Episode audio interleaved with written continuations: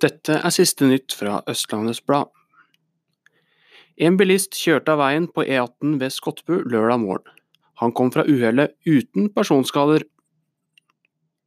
Nordre Follo Frp vil unngå Oslo-tilstander i den nye storkommunen.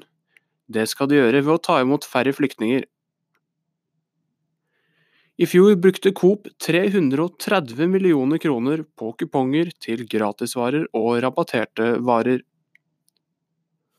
Kolbotn tannhelse har investert fem millioner i nye lokaler. Nå flytter de etter fem tiår i sentrumsbygget på Kolbotn. Larmerud Rørservice åpner butikken i dag etter seks ukers omfattende oppussing. Og til slutt, store snømengder er på vei mot Follo. Lørdag kveld er det sendt ut farevarsel fra Meteorologisk institutt. Disse sakene, og enda mer, kan du lese på øbe.no. Siste nytt fra Østlandsblad fikk du av Eirik Løkkemoen Bjerklund.